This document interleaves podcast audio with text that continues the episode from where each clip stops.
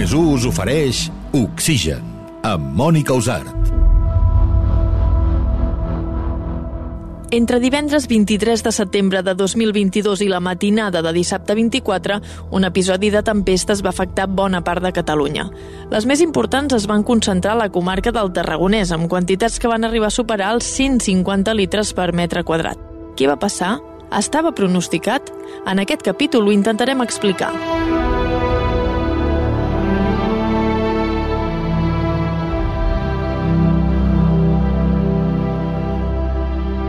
Aquest episodi, els aiguats del Tarragonès del setembre de 2022. Aquell dia estàvem tots pendents del cel. Tot i que el divendres encara començava sense pluja, els pronòstics feien pensar que amb el pas de les hores les tempestes guanyarien terreny. la Pel Terra que ja és divendres. Per fi és divendres 23 de setembre del 2022, Santa Tecla. El primer dia a tardor comença amb alguns núvols i amb un ambient semblant al d'ahir amb temperatures de 14 a 19 graus. Durant el matí s'espera ja els primers xàfecs a les comarques del sud que entre la tarda i el vespre s'estendran cap a la resta. Aiguats, esperem, sobretot a última hora, bàsicament a la costa de Barcelona, Demà tindrem un martí tranquil, però a la tarda tornen les pluges. Diumenge no farà net, però s'obriran clariats. De seguida la Mònica Usart ens ho explica. Mentrestant, Rússia té problemes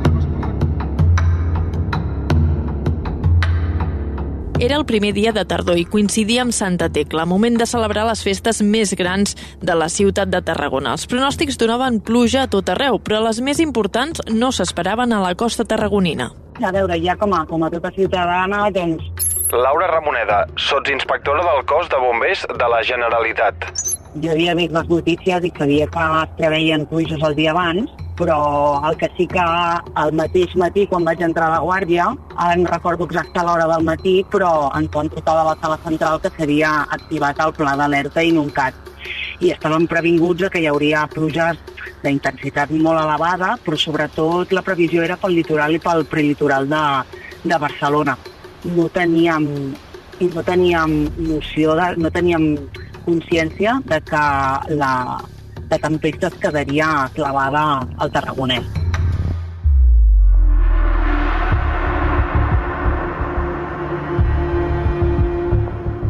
A la costa de Barcelona és on els mapes del temps donaven més aigua. Tot i això, tenint coneixement d'aquest marge d'error, a Tarragona ja es van prendre algunes mesures. Era el dia gran de les festes de Santa Tecla. A més a més, es celebraven els 700 anys de Santa Tecla. Esteve Giral, periodista de rac i La Vanguardia. I, I la ciutat estava com pendent de si sortia o no sortia al carrer a, a viure els actes de, de la festa.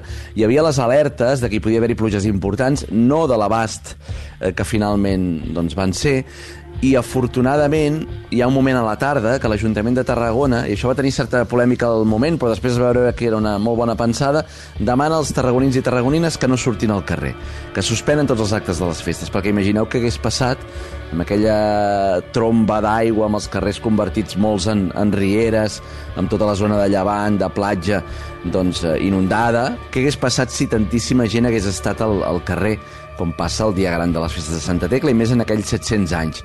Eh, per tant, com, com una ciutat que esperava, una ciutat que es queda en gran part a casa, jo crec que això va ser clau perquè afortunadament no patíssim danys personals, ningú prengués mal, més enllà d'algun ensurt.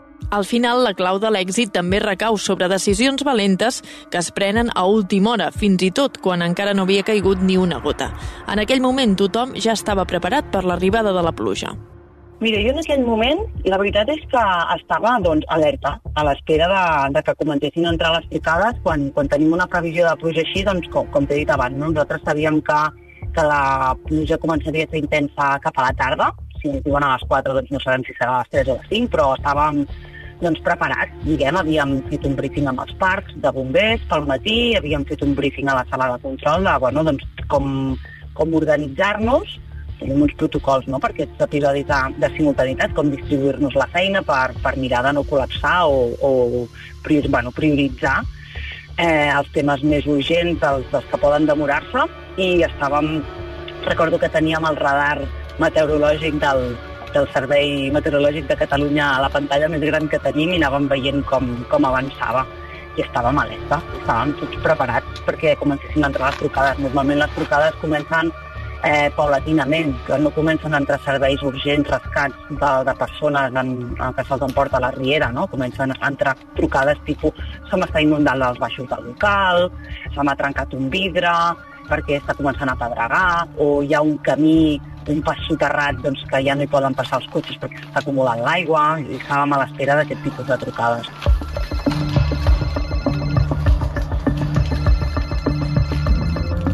En aquell moment ja començaven les primeres incidències. Normalment, aquestes primeres són les menys greus i a mesura que es va acumulant aigua, la situació va empitjorant. Penseu que una de les situacions que pot deixar més problemes és la d'una tempesta estacionària que durant hores i hores deixa aigua al mateix punt. Quan vam sortir, clar, la situació al carrer es va anar complicant. Laura Ramoneda, sotsinspectora del cos de bombers de la Generalitat. Mica en mica, no? Com et dic, doncs, les primeres trucades i els primers serveis que fem no són els més greus. El que passa és que en qüestió de dues hores ens ens vam començar a trobar amb, amb rieres desbordades, carrers que semblaven rieres, que no ho eren, no? sobretot els carrers colindant, i bueno, mica en mica que van passant l'estona doncs es comencen a tallar carrers, tallar carreteres, els cotxes veus que s'han anat, doncs, bueno, han anat traïscant i s'han anat acumulant en els vorals, i ja quan entres a la ciutat comences a veure la gent amb els cubells intentant treure, treure l'aigua de casa seva, evidentment doncs, emocionalment molt afectats perquè bueno, veuen les seves pertinences doncs, flotar pel menjador de casa. Llavors, aquestes inundacions, de moment, quan, quan més aigua, doncs rai, no? però el tema és que comencen a afectar sistemes elèctrics, comences a veure espurnejar, aquestes espurnes poden derivar en focs, focs d'habitatge, cada cop el caos va creixent i tens la sensació que tu corres darrere el caos, no? que no arribes a, a solventar l'emergència, sinó que vas, vas corrent darrere l'emergència i darrere la, la gent que es va, les persones que es van desesperant cada vegada més perquè no arribem, no arribem a tot. El saber que, que havia hagut aquesta tromba d'aigua, vam sortir al carrer a veure què és el que havia passat. Esteve Giral, periodista de rac i La Vanguardia. Sobretot a primera hora del dissabte i també la nit d'aquell divendres, eh, veient tot el que havia passat et podies fer una idea de la dimensió i de l'abast de, la, de la tragèdia. Per exemple, recordo perfectament tota la zona de la platja de la Rebassada, amb, amb cotxes encara eh, enmig del, del fang. Recordo haver anat a alguns dels restaurants, com el restaurant Bonacci a la, a la platja de la Rebassada, on ens explicaven que l'aigua havia arribat doncs, eh, a la cuina, que afortunadament tota la zona de menjador eh, on hi havia els clients queda una miqueta més elevada i no van haver de patir danys personals, però que van passar una estona dolentíssima amb els clients pendents de què feien, amb l'aigua entrant als baixos. Eh, veïns d'aquesta zona de la Rebassada també, que ens explicaven doncs, que l'aigua eh, havia inundat electrodomèstics, que havia arribat pràcticament a l'alçada la, dels, dels matalassos dels llits.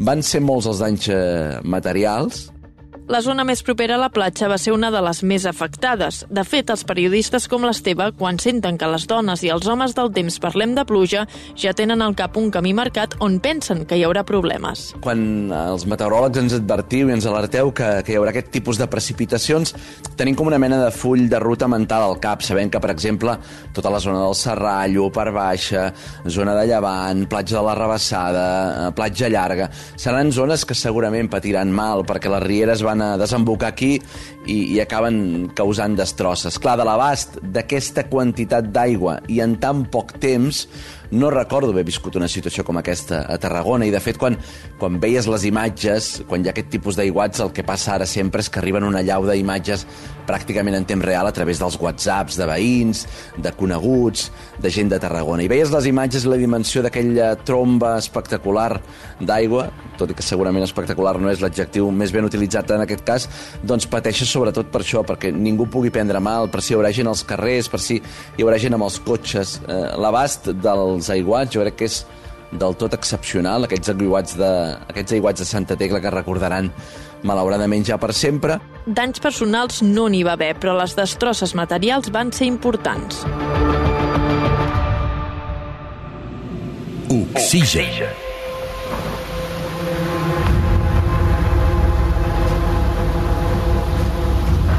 Mentre la pluja anava caient, l'Àngel Alonso i la seva família van arribar a casa, al Catllà, després de passar uns dies a França. I al tornar, vam obrir la porta de casa, nosaltres vivim a una, a una casa que té bastanta cristalera i es veu al bosc, i ens, eh, de seguida ens vam adonar que, que, que baixava molta aigua. Pel, vivim a prop d'una riera, vam veure que baixava molta aigua, que això no ho havíem vist mai. Eh, I llavors, eh, bueno, ens vam sorprendre, però no li vam donar més importància que això. Vam, començar, vam continuar fent la vida normal. La meva parella va marxar a buscar el nostre fill que s'havia quedat amb els meus sogres i jo em vaig quedar a casa.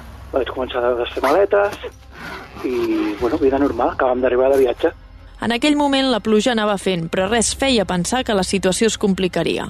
Estava jo sol, sí. Uh, va començar, com, com ja us he dit, uh, per la casa dels meus veïns de l'esquerra, uh, l'Àlex i la Pilar, i ells, per la inclinació del terreny, la part de baix és tot pàrquing. Tenen com uns bueno, 3-4 3-4 metres, 5 metres, el que sigui de raig, i l'aigua ja va començar a pujar-los amb ells. Llavors els crits que jo sentia eren ells mateixos que estaven intentant salvar els dos cotxes, les motos, tot el que van poder al garatge, perquè ja veien que imminentment se'ls inundaria tot el garatge. Eh, jo mm, estava allà fent eh, suport moral més que una altra cosa, perquè jo no podia fer gaire cosa més, eh, era una situació molt caòtica, eh, contra rellotge, molt estressant, eh, la veïna va marxar plorant, eh, els fills no sabien on posar-los, jo estava allí, tampoc sabia molt ben bé què fer, molt caòtic tot plegat.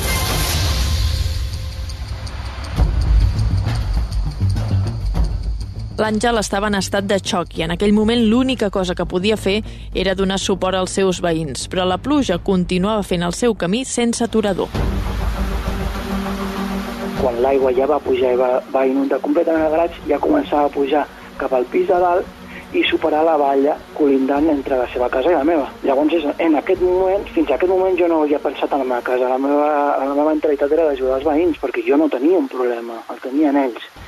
Però va ser al veure que l'aigua superava la valla del veí i començava a entrar al, meu, al, al nostre terreny, al meu i de la meva parella Sara, que vaig començar a pensar que, ostres, que aquí que la cosa era sèria de veritat.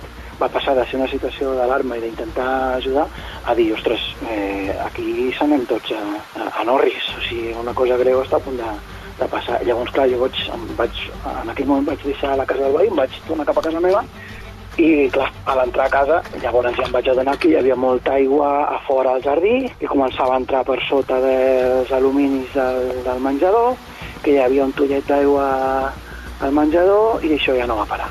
Ja no va parar fins que es va fer una piscina exterior que finalment va acabar rebentant vidres. La pluja no parava i l'aigua entrava a casa de l'Àngel. Ell intentava salvar tot el que estava a les seves mans. és un pis que té doble, o sigui, una casa que té doble alçada i jo des de dalt eh, veia i vaig fer una observació ràpida de, de, del que tenia i la meva reacció va ser baixar a baix a buscar un ordinador que teníem damunt de la taula vaig agafar, no me'n recordo, em penso que un violí de quan jo tocava, el violí que el teníem de decoració, bueno, coses així una mica aleatòries que vaig veure que tinguessin un cert valor perquè no es mullessin. Eh, però clar, mm, després pensant en el temps, mm, va ser un... Bueno, no va passar res, eh, per sort, però em podia haver electrocutat, podia haver passat moltes coses, perquè l'aigua ja estava a l'alçada dels, dels endolls i, bueno, en fi, eh, ja es començava a divisar una, una, una situació bastant, bastant bèstia. L'aigua ja estava a l'altura dels endolls, però no parava de pujar. vaig arribar al lavabo, la- l'aigua també brotava per, per la tassa del, del lavabo de baix, o sigui, s'estava començant a fer una piscina a dins, eh, posa-li que, que en aquests moments l'aigua ja està a l'alçada de, dels malucs des de fora, o sigui, comences a veure una piscina exterior com si miressis un aquari i també jo pujava a observar, tinc, un- tinc un estudi, una caseta de fusta que està a l'exterior del jardí, que ja està que d'uns 30 i pico metres, una cosa que pesa una barbaritat, i ja s'estava posant a l'avant i ficant a 45 graus. Bueno, era tota una escena, clar, jo anava observant i estudiant a veure qui, què podia salvar.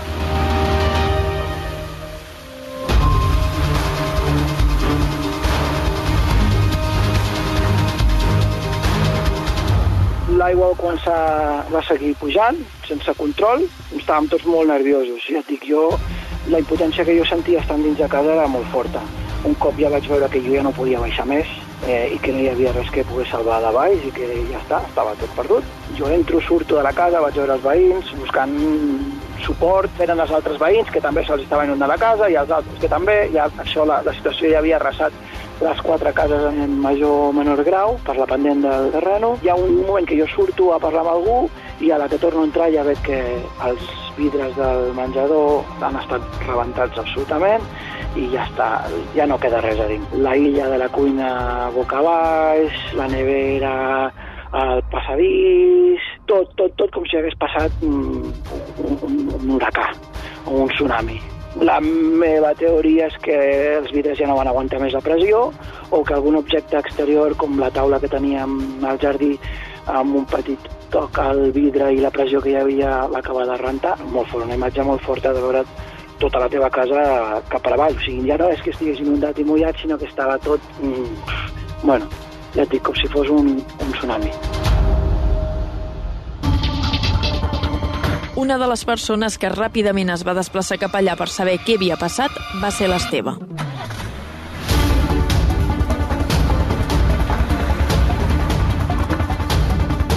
Doncs clar, ens trobem unes famílies que han perdut casa seva. Us heu d'imaginar unes cases convertides en piscines, tot i que no m'agrada massa fer servir aquesta comparació perquè una piscina és un lloc agradable on un va passar-s'ho bé.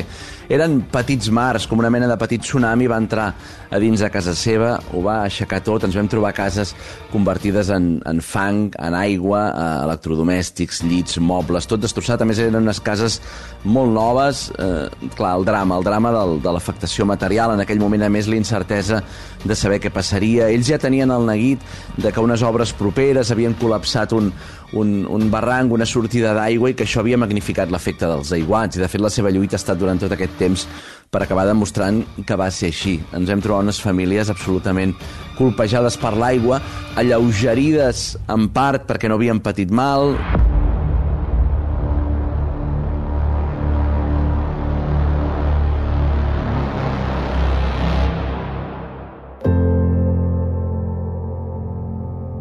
Per tant, en aquest cas en concret, no només la pluja va ser la responsable del desastre. Les cases s'inunden perquè Àngel Alonso, veí del Catllà.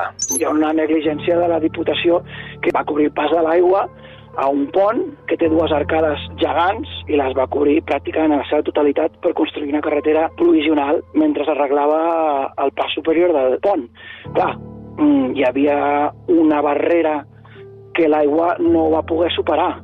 Llavors, les nostres cases s'inunden perquè el torrent ve molt carregat per la pluja, xoca contra aquesta barrera i hi ha un efecte embalsament de retrocés. És a dir, l'aigua baixa, baixa, baixa, s'acumula i torna. I l'efecte de la inundació és en sentit contrari a la baixada de l'aigua, el que és un clar indicador del, del perquè dels fets. I l'aigua, fins que no va superar el dic per damunt i fins que les autoritats no van decidir trencar la carretera aquesta provisional que havien fet, l'aigua no va baixar. I per què no només les nostres cases? Doncs bé, perquè són les úniques que estan abans de la presa. Hi ha cases, de fet, que estan molt més a prop de la riera, passada la presa, que no, no es van inundar. Llavors, per nosaltres és, és, està claríssim el per què. Oxigen.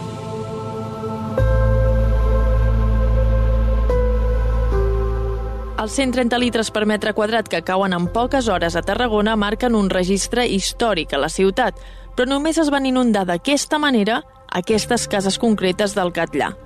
Després de tot aquest temps, algú ha assumit responsabilitats? Quan passen coses, doncs igual que tothom ens equivoquem, ho haurien d'acceptar que és alguna cosa que de moment, fins a dia d'avui, tot i els informes favorables i de la Comissió Jurídica de tothom, la Diputació encara no ha fet. Però sí, estic segur que es va fer una mica d'aquella manera, i ràpid i corrents. I sobretot és que no van complir eh, el que posava el projecte. En algun moment algú va decidir que la baixada era massa pronunciada i van decidir pujar al, al nivell de la carretera. És, és a dir, nosaltres ja ho vam veure molt més a baix i de cop i volta van pujar. Mala sort, possiblement, però clar, hi ha una negligència que és indubtable. Ara ja han passat uns mesos i han tornat a casa, però la por la tenen al cos. Molt feliços d'estar a casa, tot té el sotrac enorme i el, el, els danys eh, morals i la por al cos cada vegada que s'ha insinuat una miqueta de pluja, ai, ai, ai. Eh, a més, nosaltres, no per fer drama, però és que és així, el nostre fill, llavors 3 anys, i ara 4, mm, ell té l'habitació al pis de baix. Si això no ens enganxa a les 7 de la tarda i ens enganxa a les 11 de la nit o a les 12, vull pensar que ho haguéssim sentit, però si no, mm, ja ens podeu imaginar. Llavors això et crea un neguit i, i bueno, però també és, eh, com jo sóc músic i com deia Freddie Mercury, show must go on, no? La nostra casa és el, és el nostre refugi, és el, una cosa per la que hem lluitat molt i ens ha costat moltíssim, evidentment doncs, ens hem d'estimar. No tenim alternativa, però ens ha costat, clar que ens ha costat. I estar set mesos fora de casa eh, és dur, és dur.